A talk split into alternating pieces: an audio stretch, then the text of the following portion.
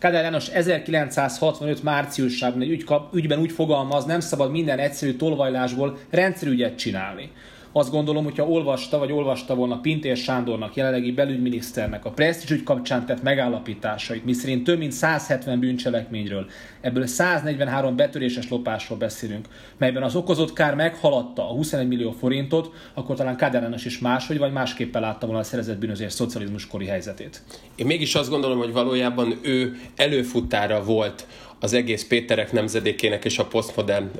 irodalomnak, mert amikor azt mondja ugyanebben a szövegben, hogy mert egy műalkotás születik az ilyenekből, akkor itt el kell fogadnunk, hogy ebből valóban egy műalkotás született, hiszen a presztízsügy és ez az egész betörés sorozat a mai napig egy olyan fekete lyuk, ami beszív és be, behúz mindenfajta legendát, információt és konteót, amit az egész magyar rendszerváltáshoz, szocializmushoz és ö, zavaros 90-es évekhez kapcsolunk, és a mai napig nagyon sok ö, bűn bűnügyi kérdést ezen keresztül próbálunk megoldani, anélkül, hogy komolyabban vizsgálnánk meg.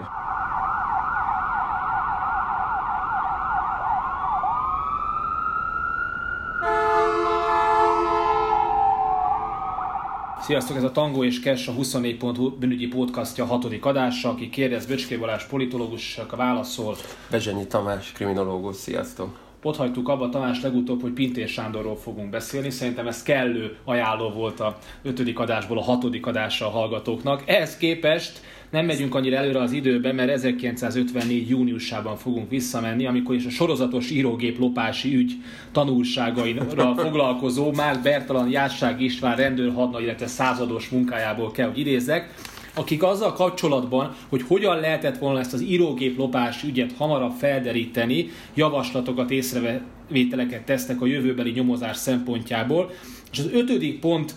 a iratukban a következő. Helyesebben a negyedik pont, de mégis a következő. A nyomozás eredményességét nagy mértékben fokozta volna az a körülmény, ha a nyomozó szervek felismerve az elkövetési módban és a zsákmány jellegében rejlő azonosságot, Ezeket a betöréses lopásokat egységnek ügynek tekintették volna. Ez természetesen csak úgy biztosítható, hogy a sorozatos bűncselekmények egyes eseteinek felderítése egységes irányítás alatt történjen, másrészt minden egyes az esetleges jelentételnek látszó adatokat is rögzítsék, bla bla bla. Írják ezt 1954-55. január közepén érintett sorozatos írógép ügy tanulságai kapcsán. Ez képest, amiről mi fogunk beszélni, a presztízs ügy, mint hogyha hasonló megállapításra jutnak a nyomozók, illetve hasonló előfeltételekből jutnak ezekbe a következtetésekre, hogy itt nagyon szervezetten van valami. Hogy lehet az, hogyan működik az a szocialista rendőrség, ami hasonló ám de kisebb volumenű ügyek esetén 30 év távlatából nem gondolkodik, hogy hálózatosodásban kéne gondolkozni, hogy, egysége, hogy nézni kellene a hasonló jellegű betöréses lopásokat, azokat egységes ügynek tekinteni, és jó lenne, hogyha mondjuk nem 6-7 rendőrkapitányság menne egy ügyre rá. Ugye ez azért nagyon fontos kérdés, mert valójában arról van szó, hogy a, egyrészt a, a szervezeti közöny, illetve a szervezeti memóriának a problémája, magában az állománynak a, fluktuációja, az bármennyire is adná magát, hogy ez az utóbbi évek, évtizedek problémája, ez valójában már a szocializmusban folyamatosan jelen volt, és ami ö, mindennek a, a, a csimboraszója, vagy ha tetszik a színek van onja, az az, hogy minden évtizedben, vagy nagyjából minden generáció rájött ö, ugyanarra a problémára. Tehát a, amit a 60-as években akár, vagy itt az 50-es években a Mák bácsiék megírtak, az, azt még nyögték a 80-as években is, amikor a modus operandi, tehát az elkövetési móddal kapcsolatos nyilvántartásoknak a problematikájáról a belügyi szemlében még mindig írtak, és ö, legyünk őszinték, ez sajnos nem hiszem, hogy szocializmus specifikus, mm. ez államigazgatás specifikus, és bizonyos értelemben pedig persze úgy általánosságban rendőrség specifikus. Tehát akkor, ha jól értem, akkor ezzel azt mondod, hogy szemben mondjuk a közkedvelt állítással, miszerint Magyarországon nem létezett szervezett bűnözés a szocializmus alatt, már rég létezett szervezett bűnözés a szocializmus alatt, mikor még mások még olyan módszerekkel, megközelítésekkel nyomoznak, mint hogyha nem létezne. Hát ebbe, e, ha most nagyon ö, ö, perverz módon akarnám kifordítani a, a, az ebben a, a, a kérdésben rejlő válasz lehetőségeket, akkor azt mondhatnám, hogy a, a politikai akarat, magyarán azt hogy ne legyen, és ne is beszélhessünk internacionalista, vagy akár csak nemzeti szintű együttműködésről bűnözői csoportok között, az találkozott azzal a mondjuk úgy, hogy a, a szervezet alsó vagy középső szintjein jelentkező közönnyel, hogy egyébként haza kell menni, a, a feleségemmel kell törődni, van még más lehetőség is, amikor én mondjuk a MB2-be vagy valahol még focizgatok, vagy adott esetben csak a, a szórakozásomat és a mindennapi életemet nem akarom tönkretenni a munka által. Tehát a szervezeti közöny és a politikai elvárás az lényegében egymásra tudott feküdni, és valójában az, hogy e, ennek ellenére a,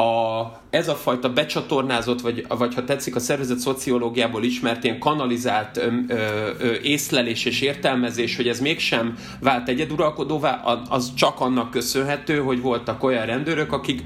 úgy döntöttek, hogy akkor lehet, hogy nem fogják látni a családjukat, de nekik ez az életük. A Tango és Kesnek a, a koncepcióját dicséri, hogy itt egymásra épülnek az egyes adások, és az ötödikben a betörőkkel foglalkoztunk. Miért pont a betörők világából alakul ki a szervezetbűnözés a szocialista Magyarországon? Miért nem más, hogy is mondjam, bűnözési alszektorból érkezik a, a, az, az input? Hát most megint nagyon közel leszünk a, a, a, a, jelen, a jelenhez, és a, mondjuk úgy, hogy a, a tényvalósághoz, amikor azt mondjuk, hogy ugye ha az állami tulajdon és a szövetkezeti tulajdonnak olyan szintű túlsúlya van, hogy ott valójában nagyon komolyan lefektetett szabályok és elvárások szerint történnek a, nem csak a beszerzések, hanem egyáltalán a gazdasági tevékenység, és a, a leszabályozottság mellett van egy nagyon jól struktúrált rendszer, ami azt feltételezi, hogy a pénzhez és az erőforrásokhoz való hozzájutás az egy nagyon hosszú időn keresztül, vagy nagyon komoly politikai kapcsolatokon keresztül valósulhat meg,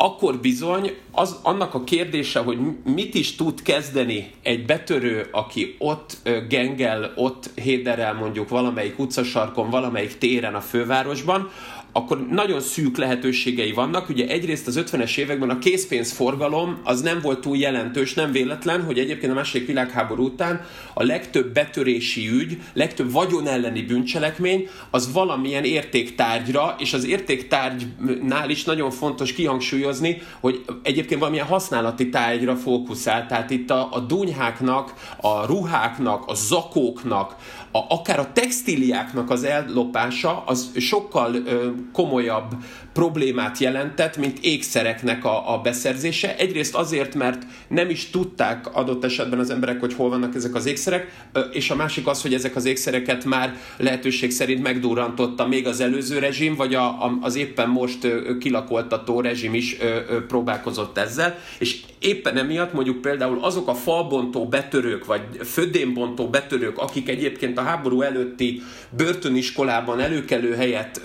kaptak egyébként a kassa visszafúrók és az ákulcsos betörők mellett, azoknak a, a, az igazi nagy duranásai adott esetben az volt, hogy ha a Röltexnek a falát megbontották a mellette lévő üzlethelyiségből, és nagy mennyiségben ö, vittek el egyébként textiliákat. Ehhez képest a, a presztízs ügyben elhíresült betörők, azok mennek mindenre, ékszer, műkereskedelembe való bekapcsolódás, pénz, valuta, ők elengedik a textíliát és minden mást, ami a hogy szocialista könnyűipar remeke? Egyrészt ugye itt nagyon fontos két dolgot szerintem ö, ö, leszögezni. Az egyik az az, hogy 1956 az nagyon sokat segített abban, hogy a, a rendőrség munkája egyszerűsödjön, és a bűnügyi számok ö, visszaessenek. Nevezetesen arra gondolnék, hogy nem csak a forradalmárok és az ellenzékiek ö, tűntek el egyébként akkor, illetve a lábukkal szavaztak, hanem egyébként például Rodolfónak a bűvésztanszéke is teljes mértékben akkor ö, ö, szűnt meg, hiszen mindenki ö, ö, szintén diszidált, és egyébként bűnözők is ugyanezt tették. Nem véletlen, hogy egyébként az 50-es évek végén magyar újságokban arról lehet olvasni, hogy Franciaországban, Hollandiában és egyéb más helyeken milyen ö, betörők, milyen magyar bűnözők, akik egyébként megtartották a, a, a saját mondjuk úgy, hogy etnikai hátterükkel együtt azt a kulturális közösséget, és együtt csinálták a balhékat, azok milyen örömet tudtak okozni a nyugati országok rendőrségeinek. Ugye ez a rendszerváltás után is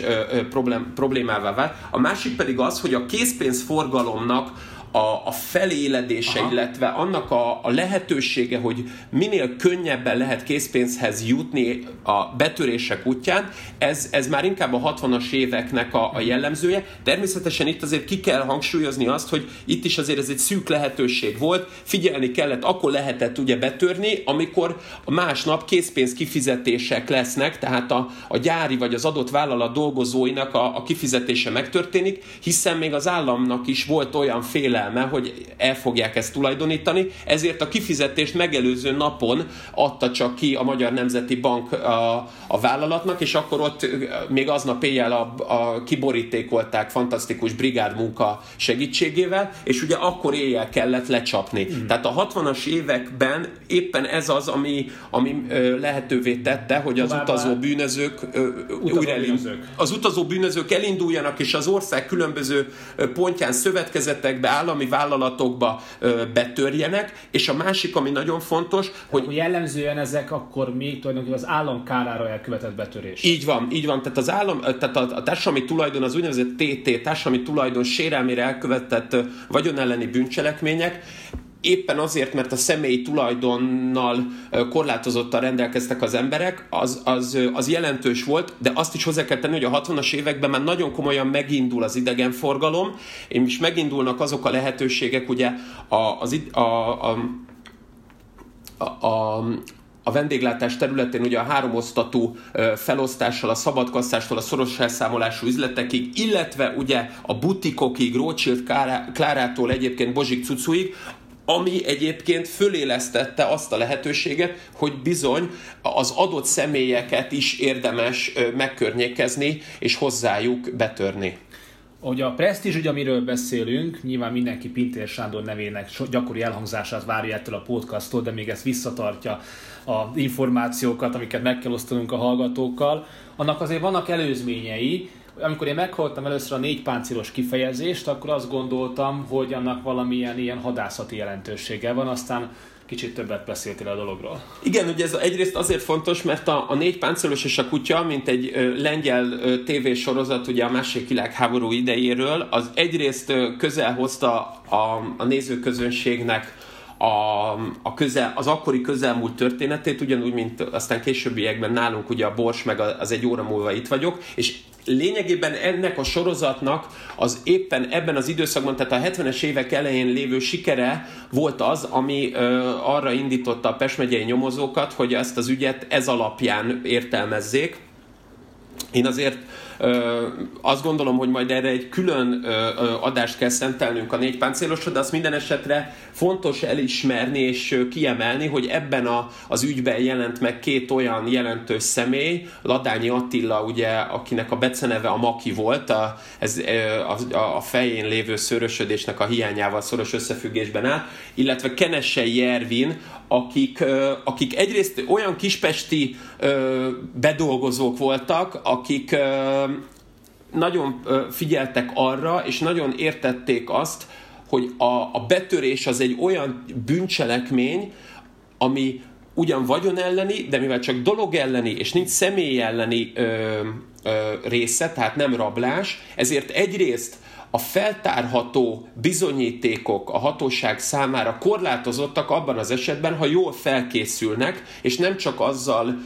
bírnak, hogy a magyar rendőr különböző számaiban elolvassák, hogy a bűnügyi technikusok hogyan dolgoznak, hanem egyszerűen csak megfigyelik azt az adott célpontot, azt az adott helyszínt, ahova bekívánnak törni. És így lehetőségük ö, nyílik úgy komolyabb pénzt keresni, hogy a továbbiakban sem kell a, a munkakönyvüket nagyon gyakran gyakran forgatni. A korabeli magyar rendőr, hogy itt szóba hoztad a szakirodalmat, idézőbeli szakirodalmat, az olyan volt, mint Marzsaru magazin, hogy igazából semmi nem derül ki abból, hogy hogyan működnek a rendőrök, hogyan működik a rendőrség, hogyan működik a nyomozás, hanem egy ilyen tájékoztató a lakosság számára, hogy minden rendben van, fejlődik, és a rendőrség csökkennek a bűncselekmények, vagy éppen nő a felderítések száma. Egyébként meglepő módon például a, a, a magyar rendőrnek az első évfolyamait az 1940-es évek második feléből én ezeket ö, ö, elég ö, tetemes áron ö, szereztem be, illetve a mai napig próbálom beszerezni különböző bolhapiacon dolgozó kereskedőktől, és az egyik több mint ö, 20 éve rendőr... Tetemes, sárt nem nyitottad ki, akkor ez mit is jelent? hát ugye ezek több ezer forintot ö, kérnek el ezért, mivel tudják, hogy egy nagyon szűk réteg az, aki érdeklődik a iránta. évfolyam magyar Pontosan, viszont az a nagyon szűk, az a nagyon szűk réteg, az, az kellően egyébként elmebeteg ahhoz, hogy egyébként akár a saját szájától is megvonja a falatot, pláne mástól. Tehát érdemes volt a magyar rendőrt olvasni a betörőknek? Vagy Azért volt érdemes, mert, mert, mert én amikor ilyeneket vásároltam, akkor volt, hogy ö, ö, 20 éve rendőr ö, barátom, kollégám fogta meg, nézte meg, és annyit mondott, hogy te atya úristen, hát Hát nem is gondoltam, hogy volt időszak, amikor ennyire őszinték voltak a rendőrök. És ez azért nagyon fontos, mert ebben az időszakban egyrészt az elején valóban őszintén beszéltek a szervezeti és személyügyi problémákról, a 60-as, 70-es években, meg egyébként éppen azért, mert se GDPR, sem más személyiségi jogi probléma nem nyomasztotta ezeket a kollégákat, valóban arra fókuszáltak, hogy mi az, ami tanulságként levonható ezekből az ügyekből, és nem próbáltak meg óriási lufi borotválás keretében mindenfajta konkrétum nélkül nagy elméleteket tüsszenteni, mintha birodalom lenne, hanem ők arra fókuszáltak, hogy egy apróságot én föltártam, vagy mi többen föltártunk, és azt bemutatjuk. És éppen ezért érdemes volt, sokkal inkább érdemes volt olvasnia, mint sajnos manapság. Ezzel a bűnözőt, az is, annak is kitesszük a bűnöző, hogyha olvassa, hogy rájön a rendőrség eszközrendszerére. Hogyha ennyire túl büszkék vagyunk az ügynek a felderítési Valóban ez, egy, valóban ez egy nagyon fontos felismerése volt egyébként a, a magyar rendőrségnek is, hogy ez, ezekhez a, a, a, ebben a magyar rendőrben is hozzá lehetett jutni. Nyilván azért az nem azt jelentette, hogy hogy ez egy folyamatosan bővülő és egyre gazdagodó tudás, hanem időnként belefuthattak olyan szövegekbe, amik éppen azért voltak számukra is tanulságosak, mert adott esetben a magyar rendőrség számára is tanulságos volt, akár bűnjelkezelés szempontjából, akár más szakmai kérdésben, hiszen sajnos ők is előfordult, hogy megbotlottak. Nézzük a presztízs ügyet. Miről is beszélünk? Több mint 170 bűncselekményről beszélünk, ebből 143 betöréses lopásról beszélünk, az okozott kár meghaladta 21 millió forintot. Az eljárás alá vont 85 gyanúsítottból 48 büntetett előéletű és 12 veszélyes bűnöző volt. Igazságtalan a kérdés, ha két-három mondatban kell összefoglalni, hogy mi a presztízsügynek a jelentősége a magyar kriminalisztika szempontjából, akkor hogyan is fogalmazol, illetve fogsz fogalmazni Tamás? Legfontosabb jelentősége egyébként ennek az ügynek az az, hogy a, a rendőrség fölismerte azt, az nagyon egyszerű szervezet szociológiai alaptételt, hogyha egy nagy konglomerátumról, egy nagy állami szervezetrendszerről beszélünk, akkor törvényszerűen megjelenik a silóhatás, magyarán szólva, hogy mint ahogy a gabonasilók elkülönítve ö, raktároznak el ö, magokat és egyéb más terményeket, ugyanúgy a, ezek a rendőrségi szervezetek is, mint egy-egy magas ö, toronyoszlop, egymástól elkülönítetten ö, tartják fönt a rendet, illetve tartalékolnak és birtokolnak információkat, és ezeknek az információknak az összekapcsolódása az nem történik meg megyéről megyére, és akár országos szinten, olyan értelemben, hogy nem nincs az az együttműködés vagy ko- szoros koordináció, ami ezt a, a, a, az információ megosztást lehetővé tenné. Informális lehetőségek már ekkor is voltak rá, mert ugye a magyar rendőr előtt ugye két problematika tudott állni, ugye az egyik a magánéleti válság, a másik pedig az alkoholizmus, és ugye ennek a kettőnek volt egy olyan közös metszete, hogyha a társasággal, vagy legalábbis a saját baráti társaságával adott esetben más illetékességű hatáskörű szervnél dolgozó kollégáival együtt dorbézolt, akkor ez a, a, információ cserére is lehetőséget adott, sőt bizalmi kapcsolatok kiépítésére, tehát magyarán szólva információt szerezni más területen dolgozó, vagy más megyében, helyen dolgozó embertől így vált lehetségesé, és ez azért nagyon fontos, mert a betörők már, amiről mi beszélünk a presztízs ügyben, rájöttek arra a nagyon egyszerű dologra, hogyha egyrészt az ország teljes területén hajtják végre a, a betöréseket, másrészt a, a szervezettségük révén nagyon figyelnek arra, hogy a helyszínek nyomszegények maradjanak, akkor valójában a, ki tudják váltani a hatóság tagjaiból azt a nagyon egyszerű elvárást, illetve azt a nagyon egyszerű tételt, amit a Dobos János antinyomozásnak nevezett, magyarán, hogy szépen mindent leírt a rendőr, de ez csak addig volt fontos, amíg ezeket le kell dokumentálni, és utána nem gondolkodott azon, hogy mindezzel hogyan tud tovább menni, így minden egyes betörésről volt egy ö, szépen összeszerkesztett, összefűzött akta, ami egyébként eredménytelenségre vezetett, és természetesen ö, nem is ö, kapcsolták össze őket. Egyik kedvenc könyved neked is, meg nekem is talán Tonhauser Lászlótól Nem kérek bocsánatot című munka. Ugye nem több okból miatt szerethetjük, hogy te miért szereted azt, azt majd egy másik adásban mondod el, hogy én miért szeretem, hogy az a borítójának a sarkában, amíg nincs betiltva című álpecsét. De Tonhauser ugye így jön szóba, hogy ő maga fogalmazza meg a vonatkozó ö, majdnem magánkiadású könyvben, hiszen egy nem létező kis kiadók esetében gyakran, kiadó, igen. gyakran magánkiadásról kell, hogy beszéljünk. Ebben a munkájában úgy fogalmaz, hogy igenis van szervezetbűnözés. És ugye a presztízs ügy kapcsán, amikor beszélgetünk, akkor nem egyszerűen csak betörések és lopásokról beszélünk, hanem szervezetten elkövetett betöréses lopásokról beszélünk. Nekem mindig az az ilyen kívülállóként a, a, a problémám a szervezett bűnözés kapcsán, hogy nem nagyon tudom, hogy beazonosítani, hogy ki lehet a csomópont, um, hol a határa ennek egy-egy ilyen hálózatnak, mi a genezise az egész ügynek, ki az ötletgazda. Ha most ezeket a presztízs ügy kapcsán fel kellene építenünk ezeket a fogalmakat, fel kellene törni, tölteni tartalommal, akkor nézzük, hogy mi a, mi a kezdőpont, vagy ki és kik a kezdőpontok. Nagyjából a, a kezdőpontot ott lehet megragadni, hogy a, a 70-es évek végén, de még inkább a 80-as évek legelején szabadultak olyan ö, betörők, akiknek a jelentős része már korábban ö, volt büntetve vagyon elleni bűncselekmény miatt, vagy ennek járulékos bűncselekménye miatt, gondolok itt a közükirött hamisításon át az üzérkedésig, vagy akár más tényállásokig bezárólag, és ezek a személyek együttműködve, de hálózatosan ö, próbáltak meg betöréseket elkövetni. Ugye itt az egyik nagyon fontos, ö, ö, szinte kezdőrugásként értelmezhető ügy volt, ugye amikor Budaörsön betörtek egy családi házban szeptember 30-án 1981-ben. És a, Egyébként ami a legfontosabb, hogy ebben az évben, tehát 81 ö, decemberében volt a a, az első úgynevezett koordinációs meeting, mert hogy ugye ez a budaörsi betörés a, ennek a, a, a feltételezett elkövetőit novemberben előzetes letartóztatásba tudták helyezni. Itt ugye Szabó Artur és Nagy Péter nevét érdemes megemlíteni, illetve aztán később ugye föl, fölhorzsolódik a harmadik kollega, a Bottó Mihály, és mind a háromnál nagyon fontos az,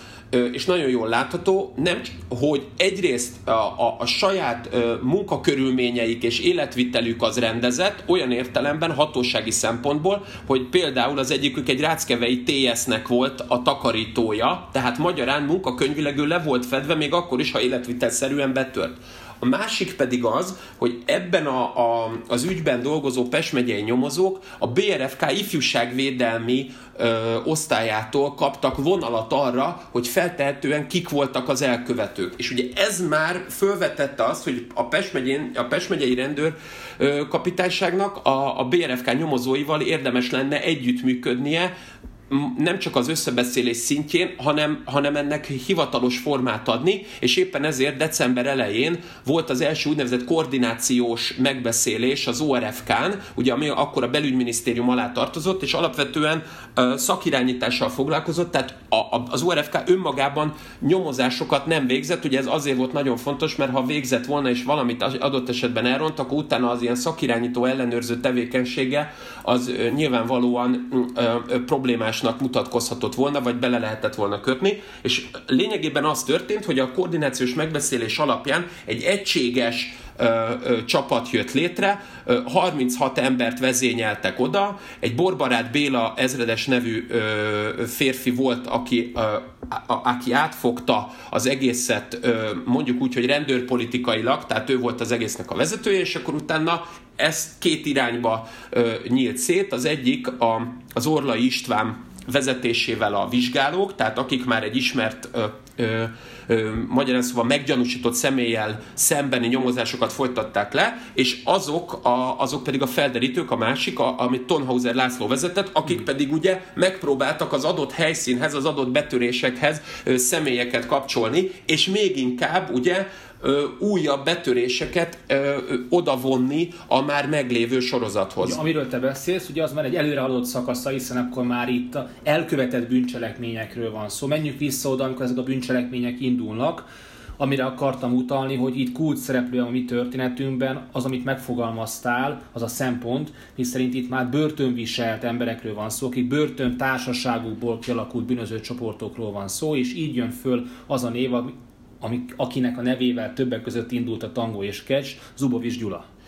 Így van, így van. Zubovicsnak a, a, egyébként ugye az alvilágban előszeretettel Tamásként ö, ö, apostrofált személy, ugye azért nagyon fontos, mert éppen az általad említett személy ugye a jelenlegi belügyminiszter, az ezer, a belügyi szemle 1983-as augusztusi számában ír egy bűnszövetség felszámolása címmel erről az egész ö, nyomozásról egy tanulmányt, és ugye ebben a, a Zubovicsnak a, a megjelölésén túl szerepel az is, hogy maga a Zubovics volt a, a fő szervező, a, az egyik legkomolyabb ötletadója annak, hogy, hogy ezeket a betöréseket elkövessék. Ő ugye 1979-ben szabadul ki a szabadultak ki azok a börtöntársai, többek között Bújtor János, Kecskeméti Sándor, akiket már bent eleve a börtönben bizalmába fogadott. Ő maga egyébként ugye 76-ban parkol egy picit a büntetős végrehajtásban, kitartottság alapos gyanújának véget indul ellene az eljárás. Így van, így van. Tehát ő, ő ez lényegében azt jelenti, hogy ő, ő striciként tevékenykedett. Értjük. És, ezzel, ugye, és, ez, és itt, a, a, ahogy egyébként ebben a, a Pintérféle szövegben is ugye megjelenik, a, a betörőkkel való kapcsolata az itt mélyül el. Nyilván egyébként ennek azért ez, ez azért hozzá kell tenni azt, hogy ebben az időszakban talán uh, maguk a rendőrnyomozók is figyeltek arra, hogy, hogy mekkora jelentőséget lehet még a belügyi nyilvánosságon belül is tulajdonítani annak, hogy, hogy a Zubovics az egy nagyon jó kapcsolattartó volt, egy nagyon jó összefogó személy a külföldi diszidens magyarok és a hazai bűnözők között, amennyiben ugye ez a már uh, említett Los Angeles-i maffia kapcsolatot tudott tartani Mert magyar bűnözőkkel. Az országot. Később elhagyja valóban, tehát 80-ban el fogja hagyni az országot, de nyilvánvalóan már korábban kapcsolatot tartott egyébként diszidens magyarokkal, hiszen a, a legfontosabb egyébként ennek a, az egész betörés sorozatnak az értelmezésében az az, hogy valóban nagyon komoly hája kenegetése történik ezeknek a bűnözőknek, de valójában az egy, azt, azt nem szabad eltagadni, hogy itt ezek az emberek próbáltak a legegyszerűbb elkövetési módokat, tehát ajtóbefeszítés, nyitva hagyott ablakon, szúnyoghálót ö, ö, csavarhúzóval fölfeszítő módon bejutni ezekbe a lakásokba. Tehát azért, ha, ha, ha, ha tisztességesek akarunk lenni, akkor azt kell mondani, hogy voltak olyan utazó bűnözők, voltak olyan ö, egyébként álkulcsos ö, ö, betörők, akik a 60-as, 70-es években akár azért, mert magányosan dolgoztak, akár azért, mert, mert nem hívták föl magukra, tehát a költekezésükkel magukra a figyelmet, azok technikailag és mondjuk úgy, hogy ö, betörés szakmai szempontból sokkal komoly, komolyabb tudással rendelkeztek. Ennek a betörésnek és ennek a betörés sorozatnak a jelentőségét éppen az adta, hogy, hogy nagyon jó információkkal rendelkeztek Aha. a betörők arra nézvést, hogy hova érdemes bemenni, és ezek az információk nem csak arra vonatkoztak, hogy mi a legjobb cím, hanem még adott esetben lehetőségük volt arra, hogy egy öreg kozmetikust, mint a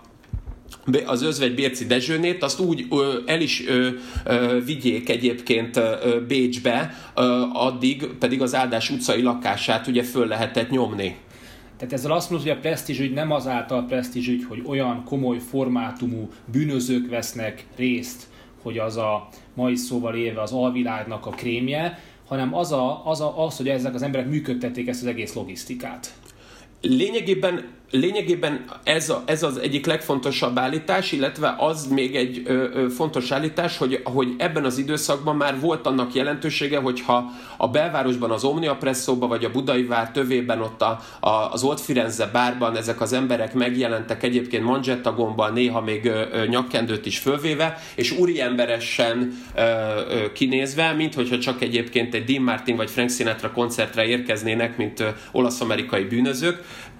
és ezzel ugye magukra föl tudták hívni a figyelmet, ugye ennek eklatáns példája volt például Markó Béla, aki egyébként pont itt a, a Drégely 16-ba, a utca 16-ba ö, ö, nőtt fel, Ugyanakkor viszont voltak itt olyan bűnözők is, mint például a Harangi Imre, aki egy debreceni férfi volt, már korábban követett el szintén betöréseket. Ő például a, soproni típusú zárakat nagyon szépen ki tudta elkulcsal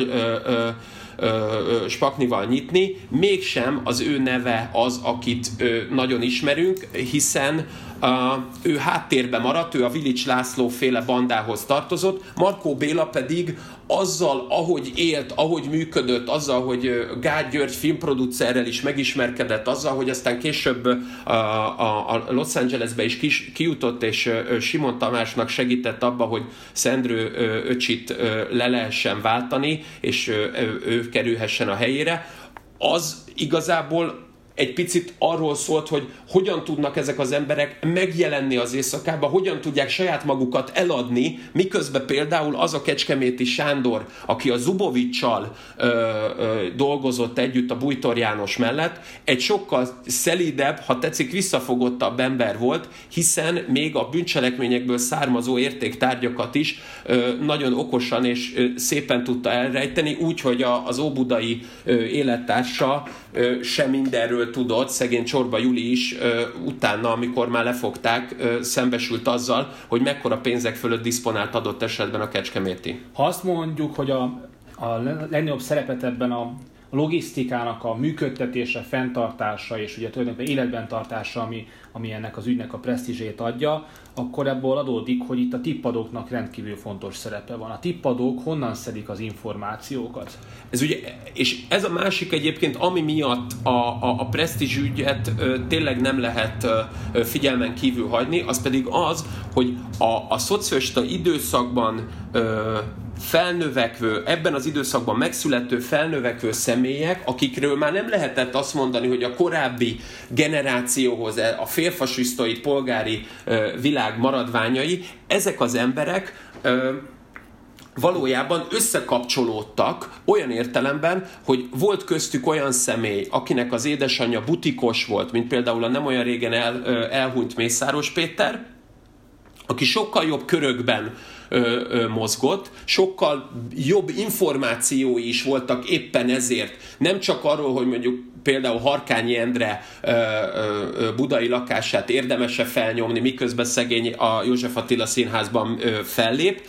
hanem akár Zubovics Gyula is, akinek szintén voltak ilyen kapcsolatai, és ezek az emberek együtt működtek olyan nyolcadik kerületi igazi zsiványokkal, mint amilyen a Nyers Péter volt, a Pötyi, vagy akár a, a, a, a Nagy Péter, vagy az, az akkor már érden élő Pintje József, ugye, akit, és társait, akit Mókusőrsnek hívtak, tehát lényegében nekik nem lehetett olyan tippet adni, amit ne csinálnának meg. Magyarán az, az a fontos ebből, hogy itt például a, a, a, a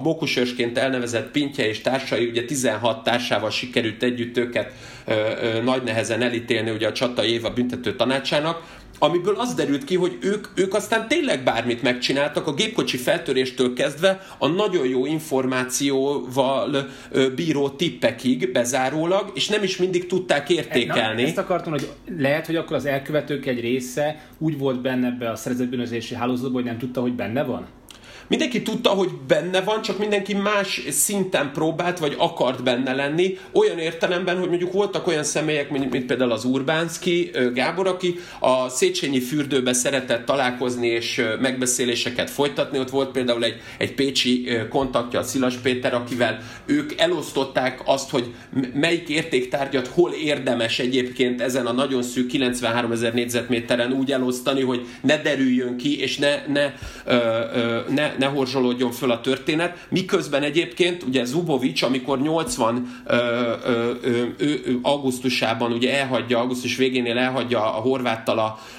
a, az országot, és aztán utána a Rigor is ö, ö, távozik, a Rigor Sándor, akkor ők is visznek magukkal értéktárgyakat, sőt egyébként a, a másik banda, a Stojka, ö, ö, ö, a Pöki becenevű, a Stojka József használcik kereskedő például effektíve kamionokra teszi föl ezeket, a, ezeket az értéktárgyakat. Tehát mindenki tud róla, csak más vonalon vannak benne, összecsúsznak, és itt a legfontosabb az, hogy különböző társadalmi rétegeket is képviselnek. Mert amíg mondjuk a Pötyi a Kulik Gyula téren kártyázik, és erőt tud képviselni, addig mondjuk egy Mészáros Péter soha nem ment volna bele egy, egy ilyen konkrét, agresszívebb jellegű összecsapásba, mondjuk egy, egy kocsmába, vagy egy vendéglátóhelyen, mint a Markó Béla, és ő butikosokkal és gazdag emberekkel elég komoly kapcsolatot ápolt, pontosan ezért például a tanács körúton egy rendőrorvosnak a lakását, a Bende, az, a, ami után meghal az öreg rendőrorvosa, az özvegyének a, a tanácskörúti lakását ö, ö, ö, meg tudja adni, mint, ö, mint címet, és igazából az látszik ebből, hogy vannak a nyolcadik kerületi zsiványok, akik csak végrehajtani tudnak, vannak az olyan személyek, akik megpróbálnak szintet ugrani, mint mondjuk a Markó Béla, aki, aki valójában egyébként egy Drégely utcai ö, ö, kis ö, ö, csibész, és mégis utána a, a, a kinézete miatt meg megpróbál szépen beszélni úgy, hogy egyébként el tudja hitetni az értelmiségiekkel is, hogy van oda ö, tartozási lehetősége, addig eljutunk akár az Urbánszkiig, vagy a, a Mészáros Péterig, akinek meg mondjuk az édesanyja, mint Rákóczi úti butikos, összesen hasonlítható azokkal a srácokkal, akik a lyukas cipőjüket például kartonpapírra bélelték ki, még az esőzések idején, hogy legalább arra az estére rendben legyen. Úgy tűnik, hogy a Nemzeti Együttműködés rendszere megelőzte a korát, csak képességgel egy, má, egy másik relációban.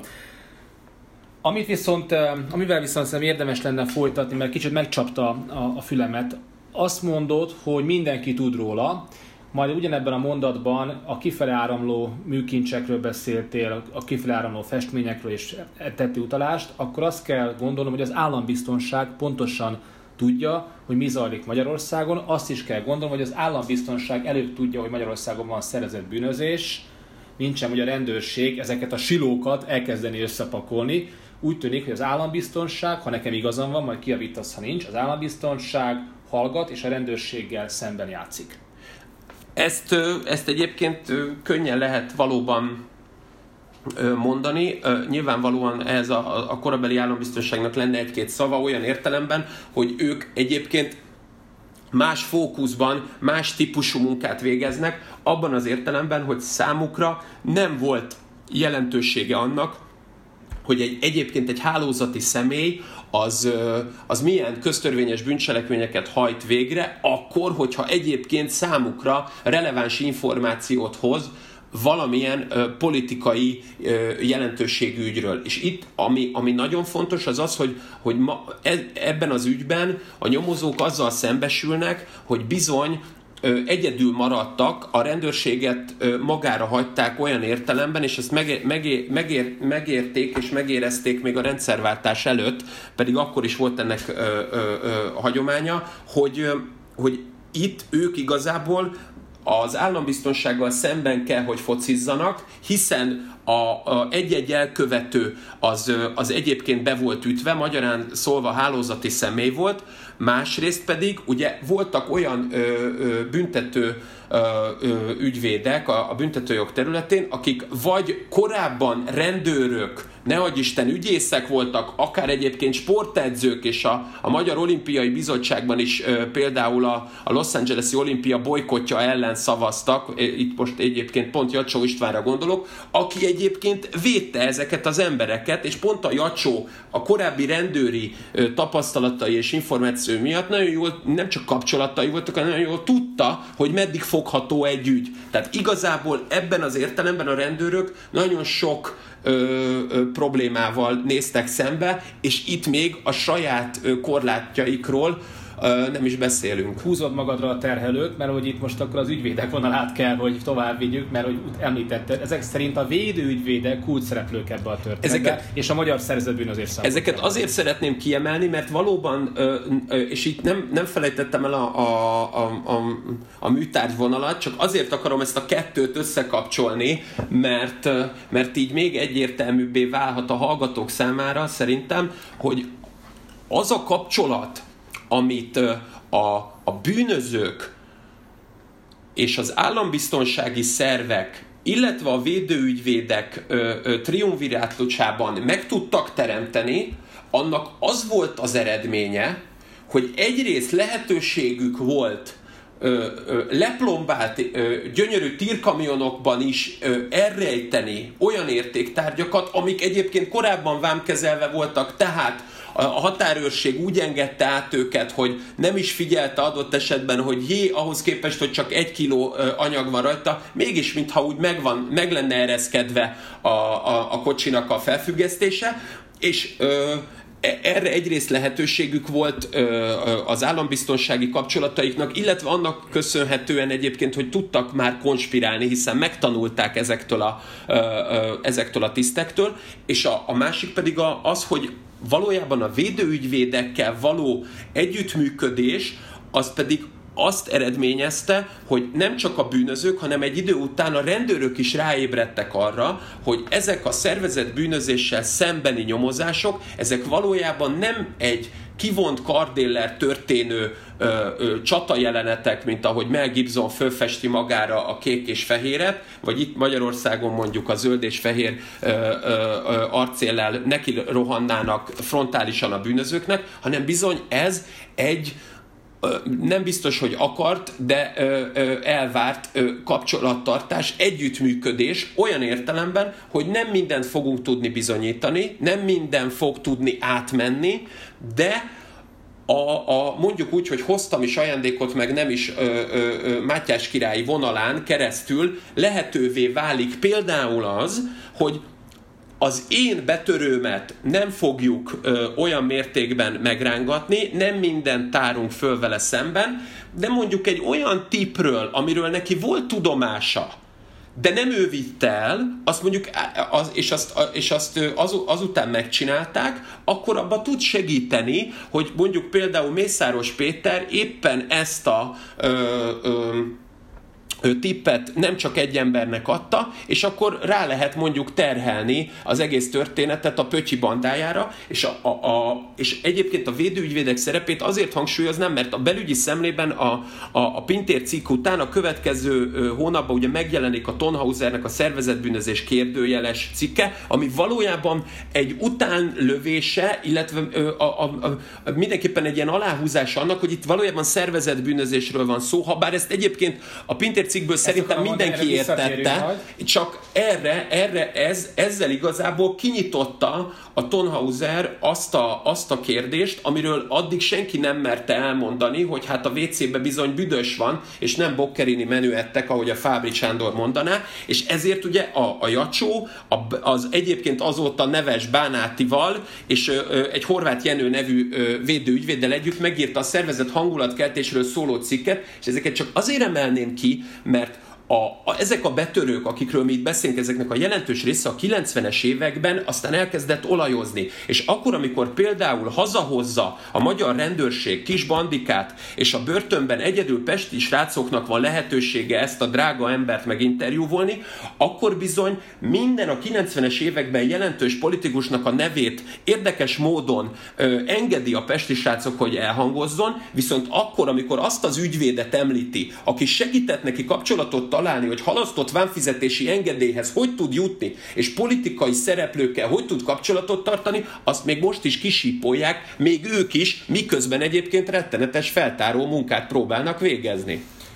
Mindenki arra vár, hogy mi Pintér Sándornak a szerepe ebben az egész ügyben, azon túlmenően, hogy idézte pár munkáját. Mielőtt bemennénk, hogy Pintér Sándornak mi a szerepe a nyomozásban és az egész felderítésben, abban azért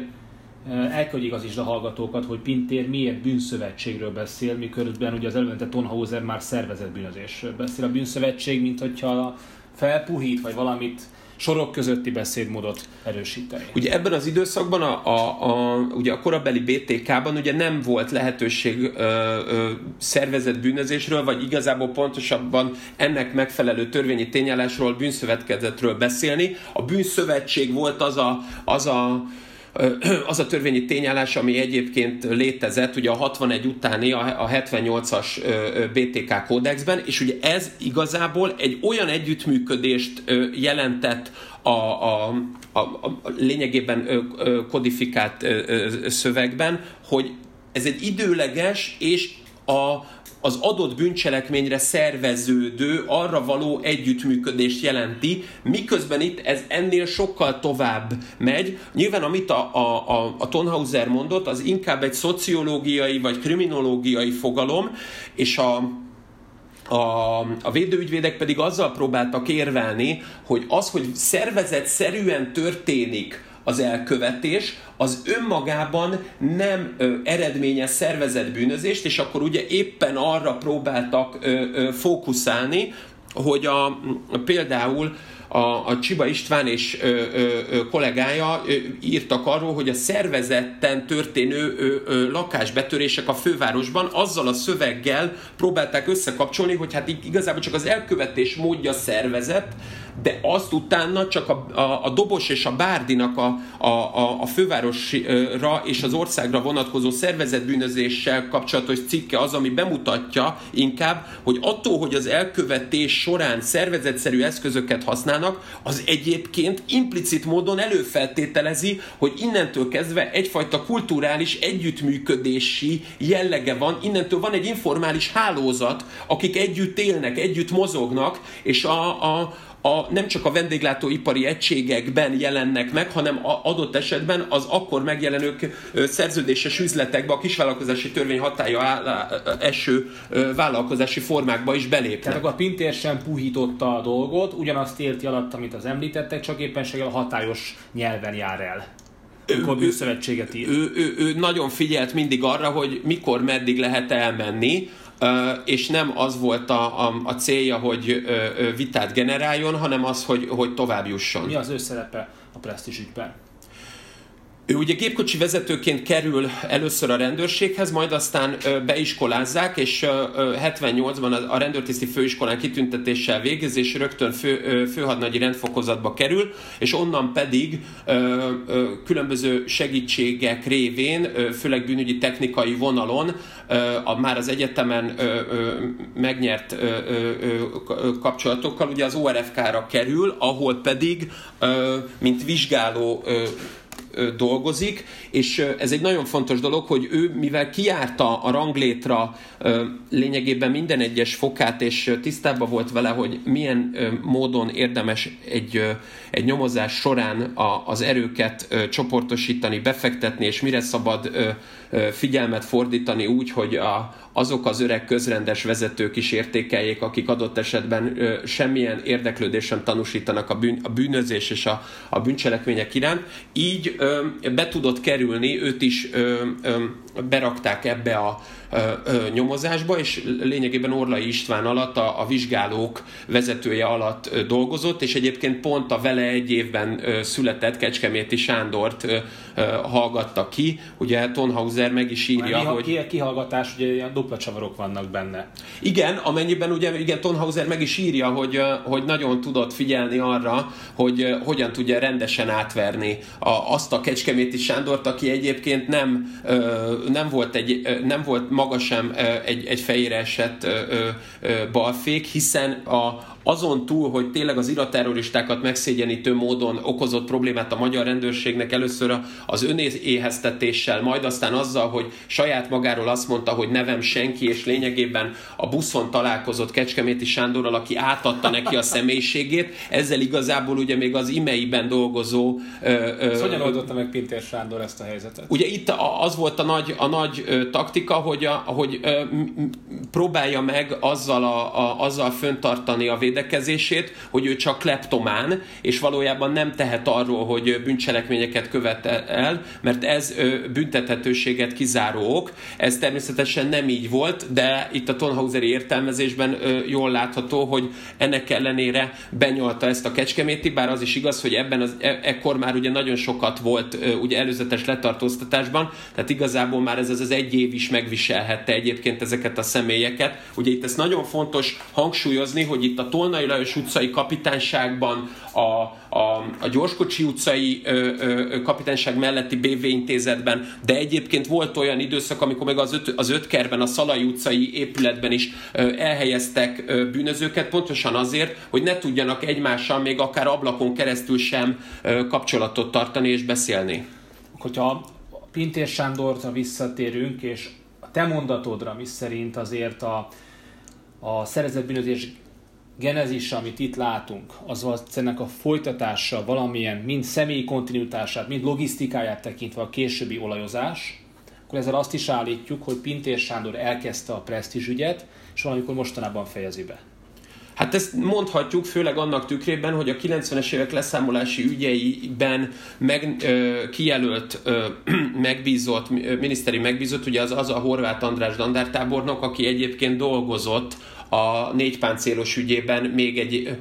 pár évvel korábban, és a szervezett bűnözés folytatásaként értelmezett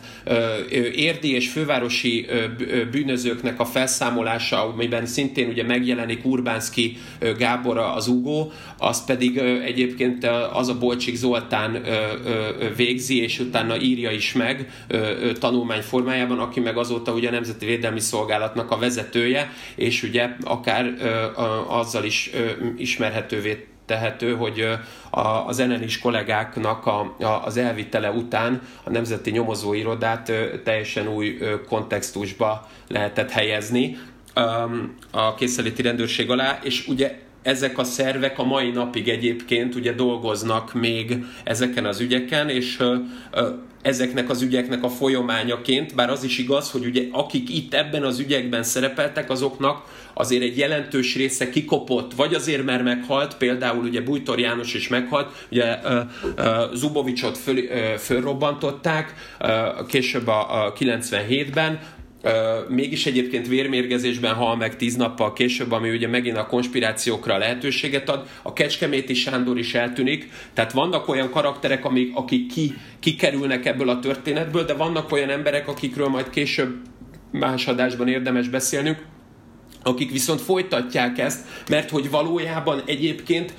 itt, a, amiért ö, ö, nagyon fontos ö, a, a, a pintéren kívül az összes nyomozónak a, a, a jelentőségét kiemelni, még akkor is, hogyha a, a, a nevüket nagyon sok esetben nem ismerjük, illetve most nincs is idő nekem ö, ö, elmondani mindannyiukat, pedig ö, nagyon ö, meghatározó munkát végeztek, hiszen itt már volt olyan ö, ö, lehetősége a bűnözőknek, már itt csináltak olyat, hogy csak be, ö, felnyomtak egy kocsit azért, hogy egy forgalmi forgalmi engedélyt elvigyenek, majd aztán az autotaxi vállalattól béreltek egy ugyanolyan autót, és átütötték a motor és az alvásszámot, és arra a forgalmi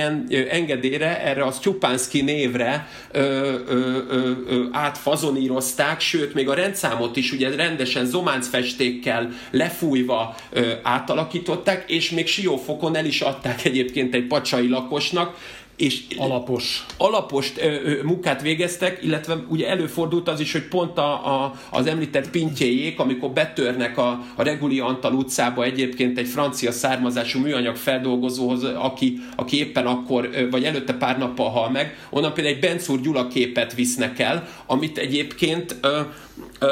komoly értéktárgyként kellene, hogy kezeljünk, de hát sajnos két faros lemez mögé dugta az a Gaster Oscar, aki még a saját bűntársai elől is megpróbálta elrejteni. Ezzel ezt csak azt akarom kihangsúlyozni, hogy egyrészt a rendőrök valóban nagyon komoly munkát végeztek, de azt azért meg kell tudni említeni ebben a felállásban, hogy itt egyébként volt olyan Mercedes, amit elloptak, volt olyan, amikor, amikor amikor maroklő fegyverhez jutottak, és nem tudtak vele élni, nem tudtak vele mit csinálni, mert a szocialista időszakban ezekkel a, a, tárgyakkal, ezekkel a luxus tárgyakkal sok esetben vagy feltűnést keltettek volna, vagy igazából nem tudtak volna vele úgy élni, hogy az ne zúdult volna rájuk szinte azonnal vissza, és így a Bencúr Gyula képtől egészen a, a, a, a lopott nagy teljesítményű nyugati gépkocsik bezárólag itt megvoltak a saját határaik, amiket aztán természetesen akkor tudtak átlépni, amikor a rendszerváltás után inkább a fekete aranyt nézték, mint sem a királyvízzel megvizsgálható nemesfémeket. Nem csak előre dolgozik a tangó, hanem hátra is, ugye a legutóbbi ötödik adásban arról beszélgettünk, hogy hogyan lehet értékesíteni az egyes lopott árut, és annak milyen módja van, most akkor erre is visszautaltál. Nem gondoltam volna, hogy a, hogy az olajos ügyeknek a genezise az nem ott valahol a rendszerváltás fula átmenetében van, hanem valamikor ott a presztízs ügyben és a, és a szervezett bűnözésben, és a betöréses lopások szervezett szintű elkövetésében, szerintem a hallgatók sem.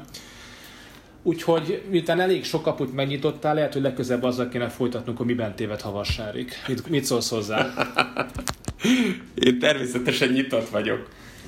Mint az előjáróban, előjár, előjáróban Radnai László, a Havassári beszélgetőkönyvecskével fogjuk folytatni.